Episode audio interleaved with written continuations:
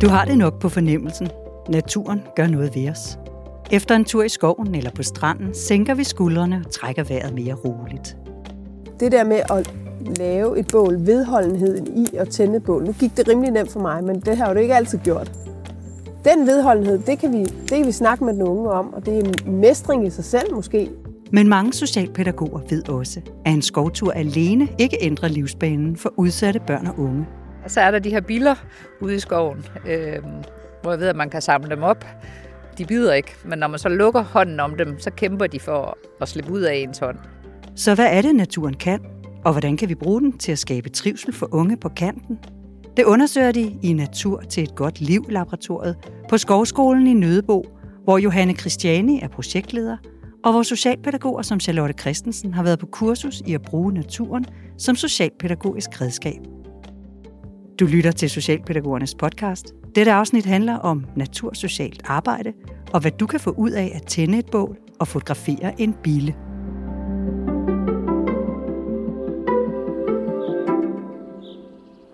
Skal vi lave et bål? Lad os lave et bål. Johanne Christiani har taget økse og tør brænde med, da vi mødes på Skovskolen i Nødebo. Hun er uddannet lærer og friluftsvejleder med en master i trivsels- og ressourcepsykologi. Ja, de skal bare lige ligge i bunden, fordi der er koldt hernede, og hvis man skal have temperatur i bålet, så er det ret vigtigt, at man lige lægger nogle små stykker i bunden, for ligesom at isolere. Johanne underviser socialpædagoger og andre fagfolk i, hvordan naturen kan skabe trivsel blandt udsatte børn og unge. Det er nemlig ikke nok bare at gå en tur i skoven. Jeg laver lige sådan nogle feathersticks her. De fungerer overraskende godt. Så det ligner sådan nogle ja, fjer. Det er i navnet. Og de, øh, de får ilden til at fange, fordi man laver stor overflade. I Krabbesholm skov i den anden ende af landet, i Skive, nede ved fjorden, går socialpædagog og ungdomskonsulent Charlotte Christensen tur. Hun har været på kursus med Natur til et godt liv, for at lære at bruge naturen i sine samtaler med byens sårbare unge. Det er lidt nyt for mig at begynde at blive særlig opmærksom på, hvordan jeg kan bruge rummet, naturrummets indretning. Øhm, jeg har en pige med massiv angst, øhm, og hun har ikke lyst til at komme ud og gå, og har ikke bryder sig ikke om at møde andre mennesker. Men der, der lykkedes det så i stedet for, at vi tager ud til en, en lille plantage, hvor der ingen kommer ud, og der er der en bålhytte ude. Øhm, så inde i det der meget, meget lille lukkede naturrum, der kan vi sidde sammen og kigge ind i flammerne. Charlotte tager mig med ud til stien langs fjorden. En rute, hun tit går sammen med de unge. Charlotte har vendet sig til at kigge efter ting undervejs, hun kan bruge som udgangspunkt for en god samtale. Nu er vi på hjertestien og skal ned over gangbroen, der gå hen over åen, der løber ud i fjorden. Ja, altså på den her bro tager vi, tager vi meget tit billeder. Man kan lave nogle meget smukke billeder, øh, og det har jeg nogen, der går meget op i. Lad os lige stoppe her. Ja. Nu står vi på broen, og vi kigger ud over åen. Så hvad er det for nogle billeder, I tager her med åen og broen og ja? Det er sådan nogle øh, smukke billeder. Jeg har for eksempel en, som øh, i starten, når det var mig, der tog billeder, hvor hun var på, så vendte hun sig altid væk og ville ikke være på billederne. Og som vores relation er bygget op, der er hun blevet mere og mere fortrolig ved det, og nu elsker hun, når jeg finder kameraet frem og er med på billederne. Øhm, så der er ingen tvivl om, at, at der er opbygget et, et selvværd til, at, at hun er, hun tænker, hun er faktisk god nok til, at hun godt kan være på et smukt naturbillede. Øh, så laver vi også sjove billeder og pjattebilleder, men, men klart, klart en udvikling i det. I onsdags passerede vi, en, øh, passerede vi frøer, øh, hvor vi tog helt nærbilleder af de der frøer. Så det, det er meget, meget forskelligt, hvad vi lige tager billeder af. Det, det er, hvad, det, hvad der opstår i, i situationen. Og det, er, og det er også det, man ikke kan planlægge på forhånd. Altså, jeg ved jo ikke, om der kommer en frø. Billederne er en måde at arbejde konkret med flyvske begreber som nærhed, perspektiv og overblik. Charlotte bruger dem også som en slags evaluering til at minde de unge om, hvad de tidligere har talt om, eller svære situationer, som de klarede godt. I Nødebo har Johanne Christiane fået ild i bålet. Og når der kommer træk i bålet, så kommer der også ild i bålet, og så, så skaber det virkelig noget varme. Og det er det, vi gerne vil have, når vi har et flot bål. Et rart bål, der ikke ryger. Fordi den almindelige opfattelse, det er jo i virkeligheden, at man kommer til at lugte af gammel spejepølse, når man, øh, når man har været i bål. Og det gør man jo også til dels, men, men det har lidt at gøre med temperaturen i bålet. Det er der med røg. Hvis man gerne vil undgå røg, så er høj temperatur i bålet rigtig godt. Så. Ja. Så er der bål. Noget af det, som vi diskuterer ret meget, det er, om naturen kan gøre noget i sig selv, eller om det er et øh, faciliteret møde mellem, øh, mellem den unge og mellem en pædagog, og med naturen som, som medhjælper, kan man sige. Eller at man, mm, især i Danmark er der en strømning af, at naturen er øh, godt for mennesket. Naturen er grundlæggende god og rar og rolig og, øh, og vigtig for os. Men spørgsmålet er bare, øh, er det det for alle udsatte overhovedet? Eller er det det faciliterede møde? Er det det, vi gør naturen til? Er det, det pædagog, er det de pædagogiske muligheder, der ligger i naturens rum, som, som i virkeligheden øh, er det centrale? Altså det vil sige, at en dygtig socialpædagog formår at udløse eller, eller øh, muliggøre det potentiale, der ligger i naturen, når vi er her. Øh, man kan sige, historisk set, så så er der rigtig mange, der har brugt naturen som redskab for, øh, for unge på kanten, til ligesom at komme væk, og så kommer man hjem igen. Men der er ikke rigtig noget, der tyder på, at den tur i naturen ligesom har skabt en, en forandring hos den unge på længere sigt. Så vi arbejder på mange planer, men noget af det, vi er interesseret i, det er at se, hvordan kan vi lave en metode, en naturintegreret metode, en metode for naturintegreret socialt arbejde, sådan så man faciliterer det møde, man faciliterer refleksionen at man reflekterer over det, man gør. Øhm, og man faciliterer samtalen ud fra det, man har, øh, den aktivitet, man har været i gang med. Så det er en måde at skubbe en samtale i gang. Naturen er mere end en pæn baggrund. Den skal sættes i ramme og bruges til at sætte noget i gang. Det er en af pointerne fra Natur til et godt liv laboratoriets kurser. Men naturen kan også bruges til ikke at tale om noget. Lige her har vi nogle gange fodret vågerne hvis man så har brød med, kan man kaste det op i luften, og så kommer de og griber det i luften. Der står en fiskehejer lige derovre. Der, der bor mange fiskehejer hernede. Og nu står den der lige så fint.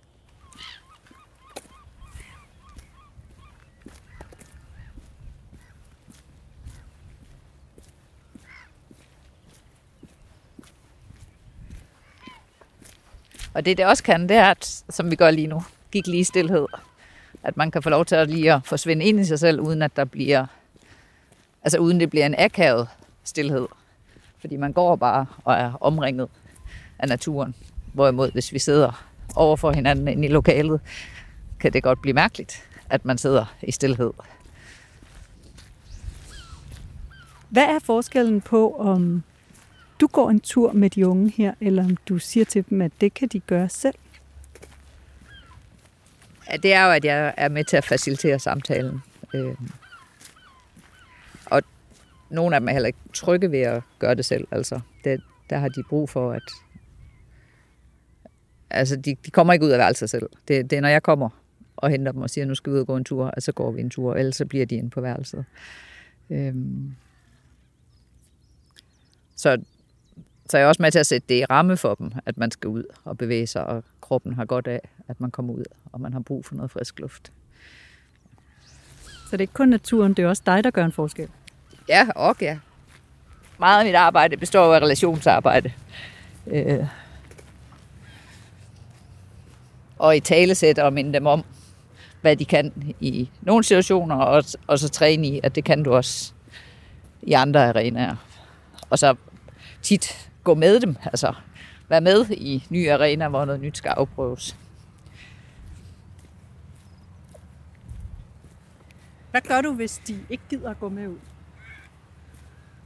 Så finder jeg ud af, hvad vi så kan have af fællestræde og lave noget andet. Det er ikke, det er ikke øh, sådan, at, at jeg skal bruge naturen. Altså først og fremmest så er jeg socialpædagog, og så må jeg bruge det virkemiddel, der virker i forhold til den enkelte. Altså altid med udgangspunkt i, hvad interessen er for den enkelte unge. Og i nogle tilfælde lykkes det så, når man har opbygget en relation, at jeg så får lov til at præsentere dem for, at det kan også være dejligt at gå en tur. Øhm, og andre tilfælde, så siger de, det kan du godt glemme, jeg skal ikke ud og gå. Og så, så laver vi mad sammen, eller, eller hvad der nu er den enkelte unges interesse. Ja. Udover at udvikle pædagogiske metoder, som involverer naturen, samler Natur til et godt liv-projektet også viden og dokumentation for naturens effekt i sociale indsatser. Det sker i tæt samarbejde mellem Skovskolen og Bikubenfonden, kommuner, socialpædagogiske tilbud og Center for Ungdomsforskning. Der er jo en del forskning, som bekræfter, at naturen grundlæggende er god for vores nervesystem. Øh, Hvordan? Jamen altså, at vi i bymiljøer er meget øh, er, er styret af vores fokuserede opmærksomhed. En koncentreret opmærksomhed, når vi, skal, når vi får mange synsindtryk, når vi øh, i hårde miljøer, altså sådan bymiljøer, kantede miljøer, formet af menneskets hånd, så, så kan man sige, så er det vores fokuserede opmærksomhed. Øh, den kapacitet er begrænset. Når vi er i naturen, så, øh, så er det soft fascinations, kalder man det, altså bløde fascinationer, og det stimulerer vores spontane opmærksomhed. Så man kan sige, at det giver nervesystemet øh, ro.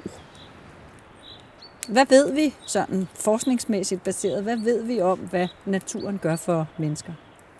Der findes øh, en del forskellige teorier, men grundlæggende kan man sige, at vi ved for lidt endnu om, hvad naturen gør. Altså, der er den her øh, biofilia-teori, altså at vi er født af naturen, og vi, øh, og vi derfor, kan man sige, befinder os godt i den. Deraf kommer det her med at kigge langt, at vi godt kan lide at kigge langt, fordi at vi, vi kan godt kunne se vores bytte, for eksempel. Det, det kalder på overlevelse. Vi kan godt lide lyden af rindende vand, for det fortæller os, at vi kan få, at vi kan få vand. Så den her sådan meget biologiske eller evolutionære tilgang til naturen. Og der mener man, at, at menneskets hjerne har ikke kunne følge med udviklingen, så vi har sådan en krybdyr, øh, ikke en krybdyrhjerne, men vi har en, en gammel hjerne, som derfor befinder sig godt i de her grundlæggende naturmiljøer, selvom at vi lever i en moderne verden. Fordi vi kommer af dem og ja. husker det. Ja. Og det er til dels også undersøgt af øh, spyt, altså spytprøver og øh, stress-kortisolmålinger og sådan noget, som, som fortæller os, at vi har lavere blodtryk, i, når vi er i naturmiljøer. Så der er på den måde nogle indikatorer på, at naturen er vigtig for mennesket. Og så er spørgsmålet så, om naturen også har et potentiale til at udvikle mennesket. Altså om naturens rum også har nogle pædagogiske potentialer, kan man sige, til at fremme trivsel. Øh, og ikke bare rekreation, men måske også bevidst træne nogle færdigheder, bevidst øh, fremme, fremme trivsel, eller, eller evnen til at klare sit eget liv, øh, sådan livsmestring. Og det er det, vi undersøger i Natur til Godt Liv Laboratoriet. Lige her er det meget, meget åbent, øh, så det giver sådan en, en frihed til sindet til at tænke større tanker, tror jeg. Øh, hvor når vi kommer op i skoven, vil man opleve, at, øh, oplever man, at det er mere lukket. Jeg har en, har en unge, hvor hun selv vælger, om vi går tager fjordstien. Vi går her hver uge, øh, om vi tager i fjorden eller i skoven. Og der har jeg bemærket, at de dage, hvor hun har det knap så godt, der vil hun faktisk hellere i skoven, fordi der er det som om, at den ja, jeg overtolker måske, men det er som om, at den lukker, lukker sig om og passer mere på os, end når vi står her i det her åbne landskab, som giver rum for de der lidt mere filosofiske tanker her. For eksempel var vi herude at gå, hvor der var snifnuk, og vi, hvor vi tog billeder af dem helt, helt tæt på og kom til at snakke om, så blev det sådan en ret filosofisk samtale om, at, at snifnuk er ikke ens. Selvom der er milliarder af dem, så, så er de på ingen måde identiske. Som så gav en filosofisk snak om, at sådan er vi også som, som individer, at vi er alle sammen forskellige, og, og man kan godt føle sig udenfor, men alle er jo forskellige. Så måske er man ikke så udenfor, som man tror, man er.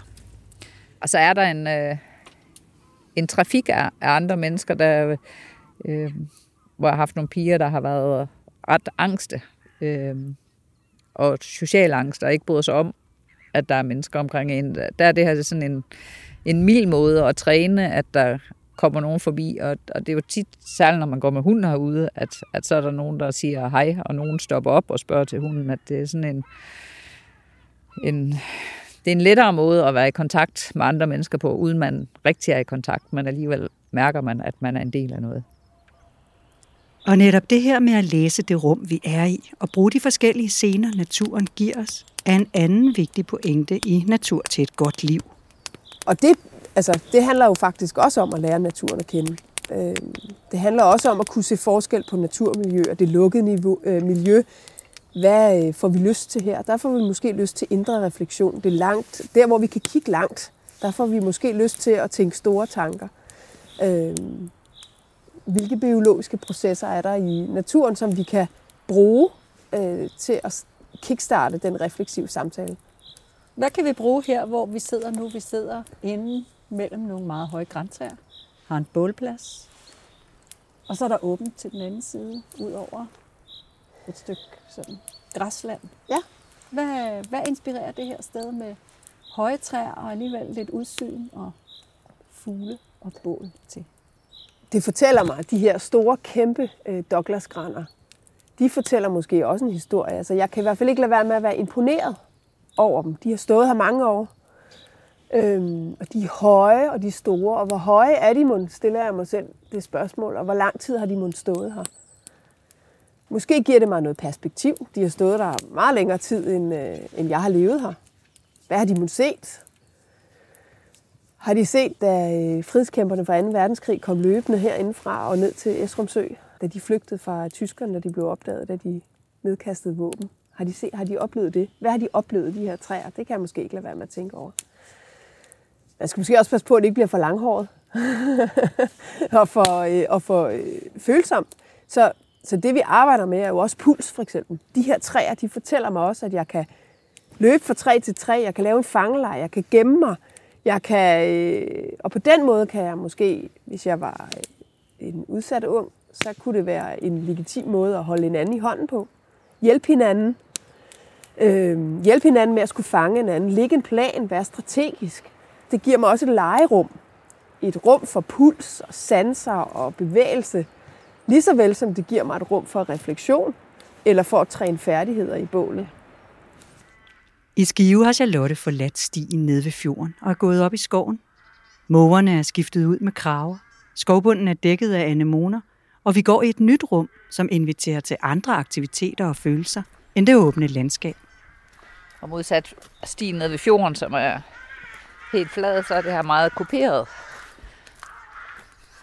Op og ned. Træning, der også går i haserne. Det er meget godt. Ja, det er meget godt. Så er det her et noget mere lukket rum, altså hvor når vi går ned ved fjorden, er det åbne vider. Her er det som om det er sådan en lille tæppe, der bliver pakket omkring en, når man går herind med de her høje, høje træer. Så man bliver psykologisk skærmet på en anden måde, når man går herind. Vi kan snakke om bålet som det der med at lave et bål, vedholdenheden i at tænde bål. Nu gik det rimelig nemt for mig, men det har jo det ikke altid gjort. Og det her med at tænde med tændstål, det kan være svært, og det kan være bøvlet, men man kan få noget hjælp undervejs. Vi kan, vi kan arbejde i processen, og der er noget vedholdenhed, vi træner, når vi, når vi laver det her bål. Den vedholdenhed, det kan, vi, det kan vi snakke med den unge om, og det er en mestring i sig selv måske, at, at skabe den vedholdenhed og få det bål, at man, at man oplever den øh, varme, bålet giver efterfølgende. Og den mestring, kan man sige, øh, den kan man highlighte eller, eller fortykke hos den unge. Det kan også være at fokusere på det biologiske. Øh, det dyrene kan, deres egenskab, eller det øh, træerne, planterne kan. Øh, man kan godt kigge på, på krybet og sige, hvad er deres øh, unikke Øh, egenskab for at overleve? Og få en samtale ud for det. Hvor jeg ikke snakker om mig og mit, hvordan jeg har det, men hvor man snakker om noget, der ligger lidt længere væk. Det kan være svært at tale om mig og mit, og netop derfor kan det være lettere at tale om de dyr, vi møder i skoven. Den viden bragte Charlotte i spil over for en ung pige, som ikke havde været i skole i flere år. Her kom en bille pludselig til at spille en særlig rolle. Og så er der de her biller ude i skoven, øh, hvor jeg ved, at man kan samle dem op. De bider ikke, men når man så lukker hånden om dem, så kæmper de for at slippe ud af ens hånd. Så så samlede jeg sådan en bille op, og så viste hende, hvordan den kæmpede, og bad hende om også at prøve, så hun kunne mærke den der, hvordan den der lille bille, den, den faktisk kæmpede i princippet for sit liv, men øh, kæmpede for at slippe ud af, af hånden igen. Og vi filmede det, og så førte det så over til, at jeg kunne godt tænke mig, at, at hun havde den samme kampgejst på at skulle i skole og kæmpede for at lykkes med at komme afsted, når det nu var noget, hun rigtig gerne ville. Altså, hun havde, har virkelig et ønske om at gå i skole. Og så ville skæbnen, at med de her billeder ude, at så samlede hun også selv en op, som så åbenbart var nok ved at være træt af dage. Så det den gjorde i stedet for at kæmpe ind i hånden, det var, at den vendte sig om på ryggen, og så lagde den sig bare. Så ødelagde det egentlig måske lidt min pointe med, du skal være den, der kæmper. Men til gengæld, så fik vi så lavet en fortælling om, at man kan både være den, der kæmper, og man kan også være den, der ligger sig på skjoldet og giver op. Øhm, så efterfølgende, når jeg så skrev til hende om morgenen, er du klar til at gå i skole? Og så sendte hende en video af bilen, fordi vi filmede den der bil, der kravlede ud af hånden.